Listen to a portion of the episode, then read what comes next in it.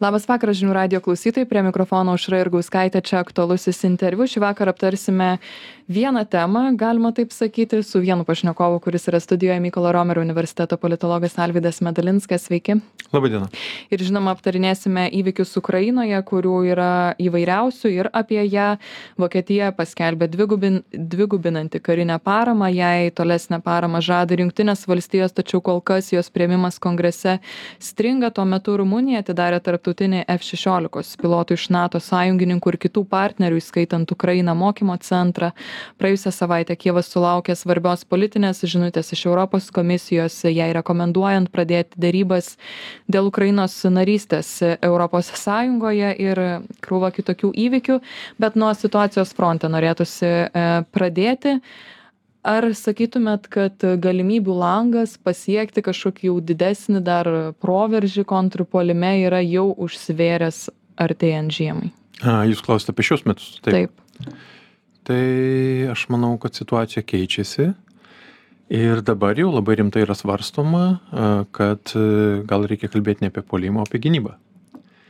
Ir gynybą sakyčiau net įvairiuose taškuose. Man teko prieš porą savaičių galbūt susitikti su visų karštųjų taškų e, policijos pareigūnais, kitais pareigūnais. Tai kalbėjom apie kiekvieną tašką, kokia yra situacija. Panašiai, aišku, ten yra daug konfidencialios, reiškia, informacijos, bet bendras faktas, kurį aš, na, nu, ir, ir šiek tiek uh, o lukterėjau kad ne ne ne nekomentuoti tų dalykų ne dab galim dabar jau kalbėti. Bendras faktas yra tai ką pasakė kariuomenės vadas zalužny apie tą tam tikrą aklavietę. Bet man iš tikrųjų buvo keista mm, nu vėlgi žodis keista gal nebetinka jau kalbant apie šitą karą reiškiasi sakyti kalbant apie kai kurių ekspertų vertinimus man keista buvo kad buvo pastebėta ne ta mintis kurią generolas zalužny akcentavo. Jis kalbėjo apie aklavietę ir įsikabino ant tos aklavietės net ir ukrainoje pačioje. Ir ten buvo nepasitenkinimo iš prezidento institucijos kad e, kariuomenės vadas kalba apie tokius dalykus nes gal tada gali mažėt finansavimo ir panašiai. Generolas zalužnas kalbėjo apie kodėl ta aklavietė atsirado ir jis labai aiškiai pasakė žodžius kurie kažkaip buvo praleisti pro šoną. Jis kalbėjo jeigu nebus naujų technologinių karinių sprendimų tai tai yra aklavietė. Tai šia prasme aš visiškai sutinku. Ir iš tos informacijos kurią turiu ir tas prielaidas kurias e, pats darau. Nes nu vėlgi akivaizdu jūs pavyzdžiui kalbėjot apie šitą situaciją e, kad e, rumunijoj atidarytas jau centras ir kad f šešiolika jau treniruojas nu paskui skaitau ukrainos karinių oro pajėgų pareiškimą kad jokios treniruotės dar nevyksta ir kad centrą dar tiktai įrenginėja.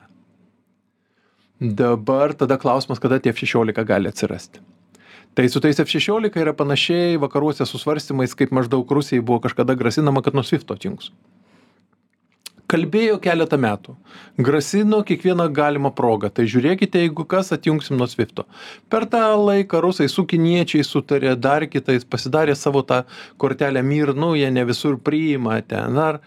Bet kalbėjo kalbėjo kalbėjo kol rusija pasirengė.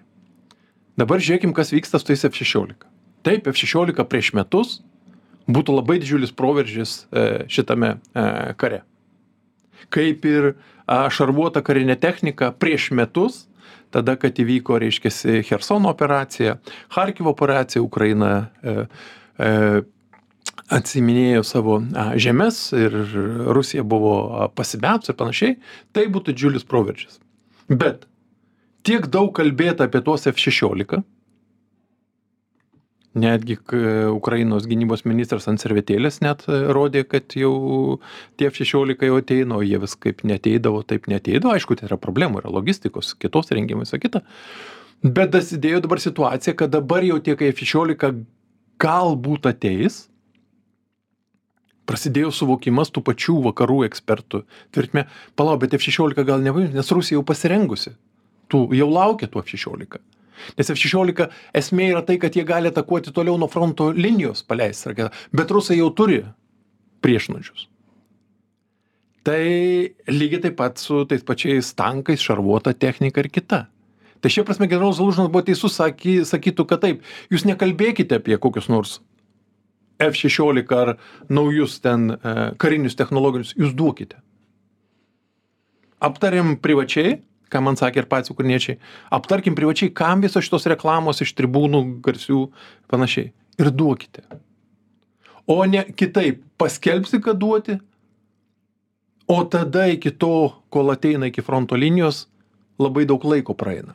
Ar čia galima suvesti ir su tuo pažadu iš ES dėl milijono šaudmenų, ką mes dabar matome visiškai, nes neišeina ir pripažįsta ir Vokietijos gynybos ministras Pistoriusas sako, kad na, ir nepavyks to padaryti ir kad šiuo metu skaičiuojama, kad yra tik tais apie 300 tūkstančių jų perdata ir sutarsi juoku, bet ir pro ašaras galima sakyti, kalbama, kad Šiaurės Koreja sugeba, ES ne. Bet ar girdėjom šią temą kalbant, pavyzdžiui, Europos parlamento mūsų narius?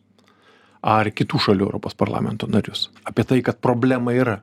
Ne, pradžioje, reiškia, iškeliama ta graži idėja, duodama viltis, kad jūs turėsite tiek ir tiek, reiškia, tų artilerijos vedinių, o paskui paaiškėja realybė.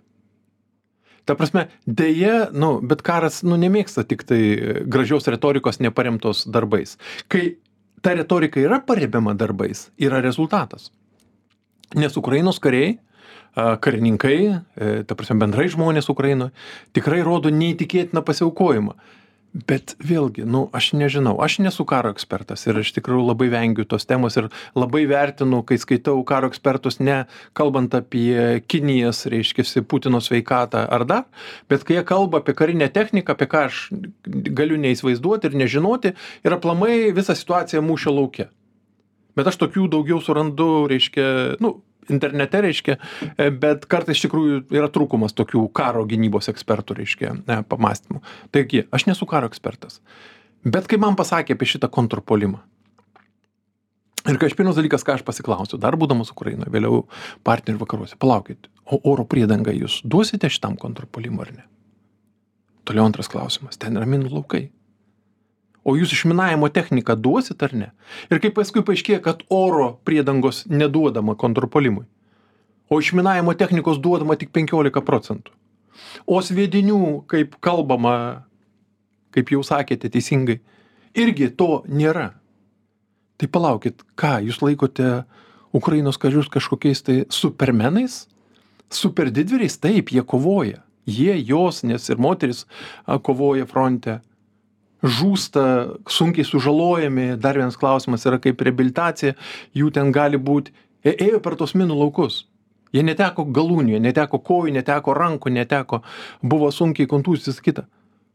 O tada tiktai jau po to kai kontrpuolimas vyko jau apie mėnesį ar du sako a jo tikrai žiūrėk ten užminuota. A nu taip matyt be šitos e, oro priedangos e, nu negalima padaryt tai ko jūs tikėjotės? Tikėjotės kad ukrainiečiai padarys tai ko jokia nato šalis negalėtų padaryti. Tai čia yra iš tikrųjų labai daug dalykų ir aš turiu labai daug klaustukų kas čia vyksta su tom karinėm karinės a, paramos teikimu ir panašiai. Jinai yra labai esminė ir labai gerai kai jinai pasiekia aišku labai esminė yra ekonominė parama. Čia vakarų šalys labai labai daug daro. Ukrainiečiai neatsilaikytų. Bet ta tokia paviršutiniška analizė aš turiu dar prieš viskam įvykstant. Taigi generolas Zalužna irgi sakė, bet aišku, jis susidūrė ten su po politinė valia reiškia, kad sakė, mes negalime atakuoti. Jokia NATO doktrina, jeigu mūsų partneriai vakaruos nori, kad mes pultume pagal NATO doktriną ir pasiektume rezultatus, tai jokia NATO doktrina tokio nesako, kad reiškia be e, šitos e, priedangos oro o čia dar paaiškėjo kad prieš aligatorius prieš e, nėra priešnuodžių prieš tuos reiškiasi lancetus ta prasme prieš karinius malūnsparnius prieš a dronus kad rusai a paaiškėjo kad rusai labai toli pažengė kalbant apie elektroninę a kovą su dronais ir kad kai kurie dronai nebeefektyvūs tame tarpe tie patys bairaktarai reiškiasi ir kiti. Tai buvo galima tą numatyti vėlgi aš nežinau aš nesu nei generalinio štabo nei krašto apsaugos ministerijos čia ir lietuvoje aš įsivaizduoju kad kažkokios simuliacijos turėjo vykti kažkas turėjo svarstyti bet nu gal kažkas negalėjo kalbėti būdamas valdžioj ir panašiai bet yra karo gynybos ekspertai kurie turėjo tokius dalykus vertint ir pasakyt ir tada nebūtų tų absoliučiai nepagristų vilčių. Nes iš principo tai, kas vyko, vyko labiau daugiau pasiaukojimo dėka ir dėl to iš tikrųjų aš, kaip aiškės faktai, kiek žmonių ten žuvo, kiek ukrainiečių žuvo tose minų laukuose, tai, o paskui tie priekaištai pasipylė. Tai palaukit, tai kodėl jūs čia nesunčiat e, pilnų armijos kontingentų, reiškia, tenai per tuos minų laukus, o kodėl čia pasirinko taktiką smulkiom grupėm eiti per tuos minų laukus? Nu kodėl? Tai kad žmonės saugoti. Nu, a, tai jūs negalite pasiekti daug rezultatų, tai jums reikia varyti per tuos minų laukus. Jūs ką, jūs, jūs, jūs, jūs, jūs juokaujate? Kaip, kaip čia tas suvo? Tai šito dalyko, sakau, vėl, kadangi aš nesu nei karo, nei gynybos, aš neturiu šito atsakymo, kas vyksta. Bet faktas yra tas, kad jeigu generolo Zalužno pareiškimą teisingai perskaityti, tai reikia galvoti ir aš, aš čia esu šimtų procentų įstikinęs. E, jeigu tik iki to dais, kad pavasarinis, kad dabar reikia gynybos ir kas dabar jau vyksta, jau Ukraina, nu, pranešama šiandien, sakė, kur ten septyniose kryptyse ar kur Rusija atakuoja, iš tikrųjų yra pakankamai labai rimtų taškų, labai kritinių taškų labai kritinių taškų, sakyčiau, šitam Ukrainos fronte dabartiniam laikui. Ne visur tose septyniose taškuose, bet vis tiek kokie 2-3 tai yra labai labai kritiniai taškai. Ukraina ginasi ir tada klausimas pakanka politinės valios. Vis dėlto Ukraina apginkluoti pavasariniam polimui. Ar bus Ukraina laužiama, sės prie dėrybų stalo labai nepalankiom savo sąlygom, šių metų gale, kitų pradžioje dar. Mes šitą, mes šitą situaciją matysim. Bet o tiesiog yra tokia nuotaika. Kas sako, ar dabar taip jau yra, dėl to, kad e, to buvo žiniasklaidoje tarsi, galima sakyti, turbūt, nežinau, nutekinta ar ar klaidingai netgi kažkokių pranešimų būta dėl to kad e, buvo kalbų kad ramšteino formate kažkokios tokios diskusijos vyko tačiau lietuvos krašto apsaugos ministras anušauskas prieš savaitę tai paneigė e, man jis irgi neigė kai mes susitikinėjom aš kiekvienąkart klausiu kas ten vyko reiškia pasako bet vėlgi aš suprantu kad gal ministras gali kai ko ir nepasakyt reiškia tai. E, taip bet ar jūsų nuomone nuojauta sako kad vyksta kažkoks spaudimas ukrainai dabar derėtis ar ne Aš manau, kad spaudimas tai tikrai vyksta. Klausimas yra, kokios šalis tą daro, kaip stipriai daro ir kaip tas yra siejama su galimais pažadais ar galima situacija, kad Ukraina gautų, kaip aš sakau, visą tą ginkluotę prieš pavasarinį polimą. Man tokios keistokos kalbos nors tą sako pakankamai aukšti pareigūnai pats nato generalinis sekretorius yra kai yra kalbama kartais nu visiškai neįvertinant ir demografinio potencialo ir pagaliau žmonių nuotaikų ir visa kita kai kalba o tai čia iš tikrųjų karas bus ilgas trys penki metai ten dar. Palaukite tam kare žūsta žmonės. Trys penki metai?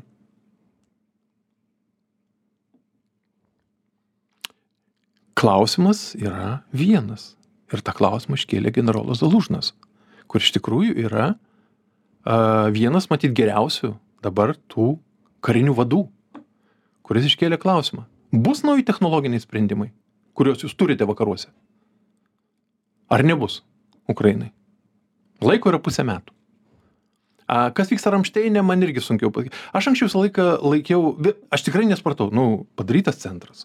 Atrodo, visos valstybės turi pakankamai efektyvės veikiant struktūras, nu tikrai turi specialistų, tų yra karštų taškų, na aišku, netoksai karas, vis dėlto ne su Rusija ten, su kokiam nors, koks Afganistanas, Irakas, ten dar reiškia, tai tokie, nu, kitokie karai. Bet kita vertus, kas, aš visą laiką savo kėliau klausimą ir vėlgi atsakymo neturiu. Kėliau klausimą šitą ir ministro anušauskui mūsų pokalbių metu kurių ne vienas buvo e, privatus toksai. Mes kal čia grįžę pasikalbam kartais. Tai klausiau kas vyksta? Biurokratija tai stabdo. Kas ten vyksta tam ramšte? Kas kaip? Nu ar galima tikėtis kad ramšteinas e, priims laiku sprendimus ir efektyvius sprendimus nes jau iš tikrųjų buvo situacija kur man iš karto kėlė šiek šiokį tokį nerimą. Aišku vėl visiem atrodė labai gražu labai gerai visa kita. Kai dabartinė jav administracija vietoj lendlizo politikos pasirinko variantą prezidentui išskiriant tam tikrą reiškiasi pinigų sumą kurią galima eksponuot pakankamai didelę vis dėlto kalbam ten šimtas milijardų kiek ten reiškia ir iš tikrųjų daug ukraina gavo. Čia klausimo nėra lyginant su kitom šalim ta prasme kurios yra tai taip. Bet vis dėlto tas tęstinumas yra po klaustuku. Tai reiškia vietoj pasirinktas buvo patogesnis variantas. Nebereik tada su kongresu senatu ten daug derintis ten visa kita.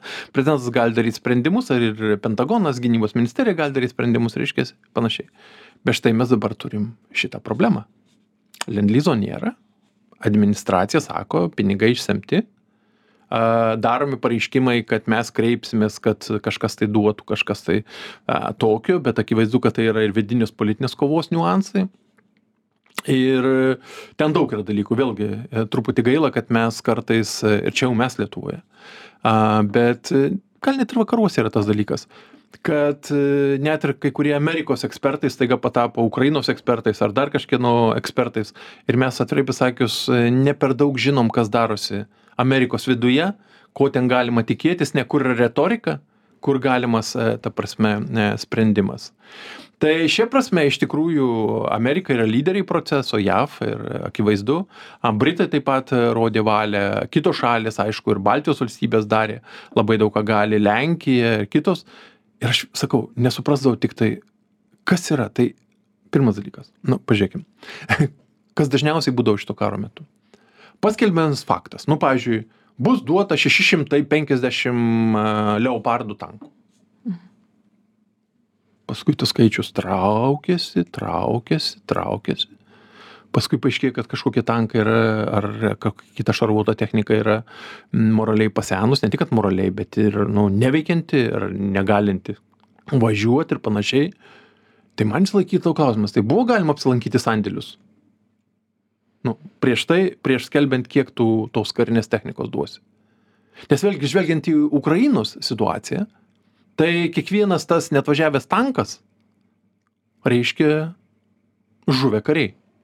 Nu ta prasme aišku kad putinas pradėjo šitą karą. Čia klausimo nėra ane bet tada klausimas tai yra kaip su ta pagalba. Ir čia tarp kitko labai įdomus dalykas. Čia truputį nukrypsiu į šoną bet reiškia visai neseniai skaičiau e, generolo de golio a reiškia mintis apie karą. Ir jis pasakė, ako mes žinojom, kad vokiečiai puola. Kad tai yra, jie reiškiasi, yra tie kalti dėl, dėl, dėl, dėl, dėl šito karo pasaulinio. Bet mes kaltinome labiau vakarų partnerius. Kad jie dėlsi aktyviai įsijungti karą, suteikti pagalbą ir panašiai ir aš tada galvoju nu tai istorijos pamokos buvo. Matyt tą patį galima būtų paklausti ir lenkijos ar ne? Kai lenkija buvo užpulta trisdešim devintais metais iš abiejų pusių po molotovo ribentropo pakto ir panašiai ir kai vyko tas vadinamas tylusis karas kai ten bet tame tarpe ir prancūzai britai prancūzai reiškia ten laukė kuo čia tas karas baigsis kažką ten duoda pagalbos bet reiškia taip. Nu ir dabar akivaizdu kad aišku nieks nenori įsikišt į tą karą Tai akivaizdu, bet mes turim padaryti labai trumpą Gerai. pertrauką, po kurios e, pratesim dar noriu paklausti apie žiemą.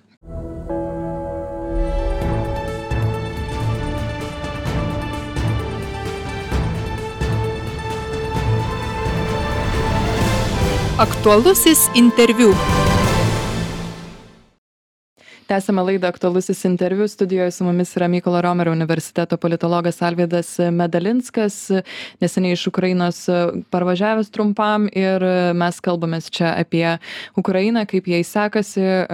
Panašu kad jai jau tenka pereiti į gynybą labiau iš kontrpuolimo iš to ką kalba mūsų pašnekovas. Ir dabar mes kalbam ar ne apie situaciją kodėl viena vertus labiau tik deklaruojama apie ginklų davimą tačiau realybėje kažkaip e, taip ne visiškai įvyksta ir šioje vietoje jau mes turim iš tikrųjų laiko tiktais realiai paskutiniam klausimui. Aš noriu apie šią žiemą paklausti dėl to kad e, volodimiras zelenskis kalba kad reikia ruošti saugoti infrastruktūrą nes rusija neabejotinai gali e, ją atakuoti ukrainoje. Tai jūsų vertinimu kaip atrodo ukrainos tas pasiruošimas ko galim tikėtis šią žiemą Nu, sunki laukia žiemė. Čia net, net nebejotina. A, lygiai taip pat aišku, kad dabar vat, vis labiau aktyvėjantis Rusijos a, apšaudimai. a, tai yra, sakyčiau, tokia įžanga į tuos apšaudimus, kurie greičiausiai bus ir bus greičiausiai jau kelių savaičių, e, e, ta prasme, laikė gal, gal truputį daugiau. Vėlgi, bus žiūrima, ar tai iš tikrųjų šalta žiema, ar šilta žiema, čia jau klimatologo, meteorologo a, reikia tam dalykui, bet faktas yra tas.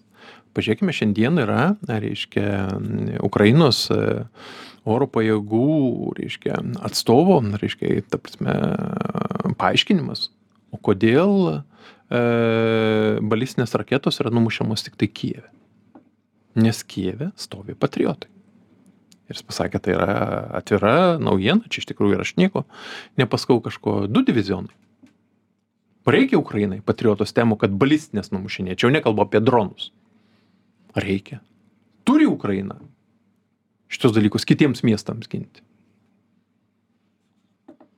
Neturi. Arba turi labai limituotus skaičius. Kitas klausimas. Uh, oro, ta prasme, ne, uostų infrastruktūrą daugiausiai uh, atakuodavo uh, dronai. Ukraina turėjo du pasirinkimus vieną padarė ir supratau, kad sugavo gavo kritikos, kai kai kurios dronus ar kokias ten raketas, bet ne į balistines pradėjo šaudyti, reiškia, ar a, patriotas ar kokiais e, kitom, reiškia, tom, nu, kurios, aišku, labai brangiai kainuoja ir tai yra ne, ne, ne, ne, ne, ne tam skirta. Dabar išaiškėjo jo, vokiečių iš tikrųjų, štai vokiečių parama, kuri padvigubėjo, tas labai svarbu, tada visi žiūri į turinį tos paramos ir panašiai. Klausia, ar taurus raketos yra tenai? Šitoj paramoje nėra. Nu, gaila nes toliašaudės raketos yra nemažiau svarbus būtų buvęs ir kontrpuolimo labai svarbus elementas, labai svarbus. Tiek ir kalbant apie logistikos naikinimą, reiškia, nukreipta prieš Ukrainą. Gerai, ir kitas klausimas yra tie gepardai.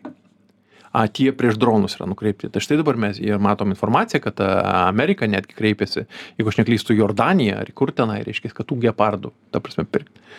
Bet mes girdim, dabar kreipėsi o žiema ateina. Tai vad klausimas yra vėlgi logistikos, per kiek laiko tie visi e, gali ateiti. Nu taip, yra tų pačių vokiečių airisai, yra, yra kitos sistemos, ta, bet akivaizdu, kad e, nu, Ukraina yra didelė valstybė. Ir apginti viską yra neįmanoma. Ukrainos kariuomenės vadai turi kiekvieną dieną galvos skausmą galvoti, o ką ginti ir kaip. Šia prasme, kalbant apie šias e, tokias e, raketas, kurios yra taip sunkiau a, a, numušamos. Tai pavyzdžiui, yra tie patys a, kalibrai. Tai čia iš tikrųjų yra niuansas ir aplamai, kas yra paleidžiama, pavyzdžiui, iš e, laivyno. Tai čia iš tikrųjų Ukraina yra pasiekus e, labai neįtikėtiną daugumą į rezultatą, kai neturėdama pati laivyno privertė rusų laivyną bėgti iš Sevastopolio į Novorosijską ir panašiai. Ir staiga paaiškėjo vienas labai įdomus dalykas paaiškėja, kad Novorosijskė rusai neturi a, kaip čia pasakyti, raketų patalpinimo, čia gal turėtų būti kažkoks kitoks terminas, e, ta prasme specifinis, raketų patalpinimo į laivus e, sistemos. Ir štai dėl ko šitų raketų apšaudimus mažėja. Jie yra Novorosiskėm, reikia į Sevastopolį, tenai yra visas šitas, o Novorosiskė nėra. Tai čia patys ukrainiečiai apsigynė iš dalies nuo šitų dalykų ir tokių apšaudymų gali būti e, mažiau. Bet šiaip aišku, akivaizdu, kad Rusija atakuos, Rusija atakuos e, įvairiomis raketomis, Rusija atakuos dronais, energetinė infrastruktūra ir tada esminis klausimas yra kitas apie kurį yra, taip sakykime, tiek už vieną variantą, tiek už kitą yra daug sakoma. Vienas variantas, kurį sako Detekas, pagrindinė kompanija kontroliuojanti elektroenergijos struktūrą Ukrainoje, čia Ahmetovo oligarcho kompanija. Vyriausybė ir ministras kuris sako, kad viskas yra tvarkoj, yra užsipirkta energetinių išteklių, bet to patys vakarų partneriai, kurie užsipildė savo rezervuarus 25 procentais, jau laiko irgi jos kai kas net Ukrainoje požeminėse tose talpyklose ir panašiai ir panašiai, o energetinė infrastruktūra yra suremontuota po visų apšaudimų ir visų kitų dalykų. Ir kad čia nekils tų niuansų. E, labai rimtų.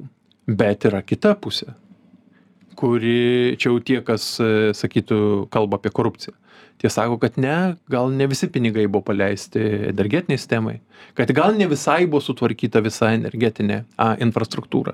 Ir gal reikia pakankamai nedaug, kad tą energetinę infrastruktūrą išvesti iš irkiuotės. Kas yra teisus? Mes tikrai nežinom, nes aš kalbėjau su viena ir su kita pusė. Ir man kiekviena pusė sakė, ne, ne, nie neteisingai, nie čia politikuoja, anie čia neteisingai sako ir panašiai.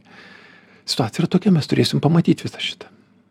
Faktas yra tas, kad, pavyzdžiui, dabar įvairiuose miestuose DTEKas atlieka remonto darbus a, ir iš tikrųjų jau dabar kai kuriomis dienomis žmonės e, vienam ar kitam rajone gyvenantys miesto, vieno ar kito miesto, neturi elektros energijos. Vėlgi klausimas.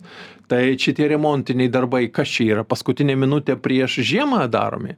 čia planiniai dalykai tai vėlgi išgirsi du skirtingus atsakymus sakot ne ne čia visai planiniai čia nieko bendro neturintys su žiema o kiti sako ne ne čia paskutinę akimirką kažkas staiga bando kažką remontuot kad nebūtų šitos e, e, tokios žiemos e, su tuo vadinamu blekautu su tuo dinga, dingstančia elektros energija internetu tamsiom gatvėm e, kas buvo praėjusią žiemą ir ką aš puikiai atsimenu. Nu dabar būsiu Ukrainoje žiūrėsim, kaip, kaip čia viskas atrodo. Žiūrėsim. Ačiū jums labai kad atvykote į mūsų studiją taip papasakoti ką e, savo akimis matėte ir girdėjote. E, mykolo romerio universiteto politologas alvydas medalinskas laidoje aktualusis interviu bendravo su mumis. Prie mikrofono dirbau aš aušra jurgauskaitė atsisveikinu su jumis iki rytojaus ačiū jums sudie